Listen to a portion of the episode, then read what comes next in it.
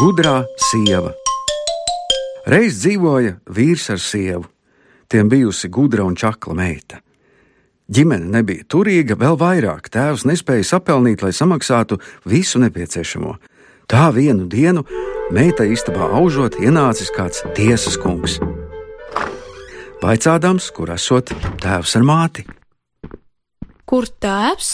Tēvs aizgāja zaķus šaut, kuru nošaus, to atstās mežā, kurš paliks dzīves, to pārnesīs mājā. Un māte aizgāja raudāt, kur pērn bija dziedāt. Bet kur tad brālis? Tiesas kungs vēl vaicājis. Brālis?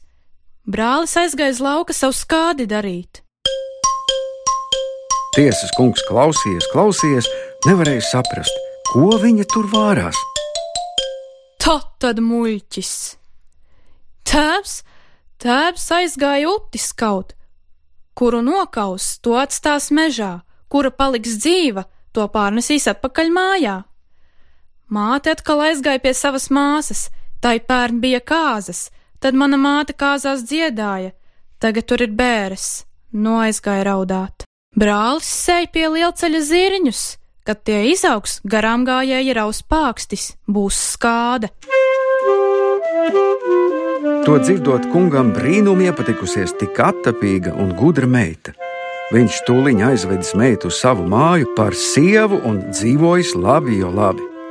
Bet reiz pie tiesas kunga atnākuši divi vīri, lai izspriežot tiesu kumeļa dēļ. Vienam līdz šim piederējuši rati, otram ķēve. Bet kam nu tas kumeļš? Vai tam, kam tie rati, vai tam, kam tā ķēve? Tiesas kungs izdomājies vienādi, otrādi, nevar sagudrot, kuram kumeļu piespriest, kuram nē. Beidzot atminējies savu gudro sievu, gājis pie tās pēc padoma. Tas jau pavisam viegli izspriest. Uzvediet tos ratus un ķēvi kalnā, pēc tam izjūdziet ķēvi un laidiet ratus no kalna zemē. Ja kumaļš skries ratiem pakaļ, tad kumaļš pieder pie tiem ratiem, ne pie tās ķēves. Ja kumaļš skries ķēvei pakaļ, tad nekā darīt, tas ir ķēves kumaļš un pieder tam, kam tā ķēve piederējusi. Labi, laiduši ratu zemē, kumeļš nemaz nepaskatās. Laiduši ķēvi, kumeļš pēdu no pēdas līdzi. Nu labi, šie paliek ar mieru. Bet kas nu?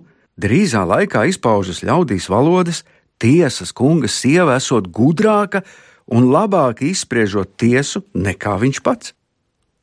Ā, tas šim lielam vīram tā kā par kaunu, sieva gudrāka.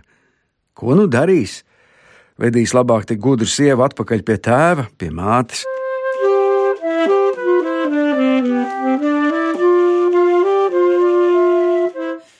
Labi, lai vadot arī. Viņai tas esot gluži viena alga. Tikai tā nu nevar atvadīties, jāiedzer kāda glāzīte. Nu, dzer, dzer vienu malu, otru, trešo, vēl uz bēdām pa vienai uzšauj. Tā nu uzšauj vēl līdz tiesas kungs sāk ierēpt un pats vairs nezina, kas nu par dienu ir, kas nav. Bet ko sieva dara? Tā vīru tādu neatstās vienu, cels blakus karietē un vedīs līdzi. Aizved pie tēva. Tēvam, kā jau nabaga vīram, tik daudz gultu nav, kur šo īpaši guldināt. Sadomā, ko citu darīs. Klās turpat uz cieta beņķa, lai guļ kā varēdams. Šis guļ, guļ, līdz izgulējis dzērumu un brīnās, kā viņš te atticis, kas viņu te ņēmis līdzi.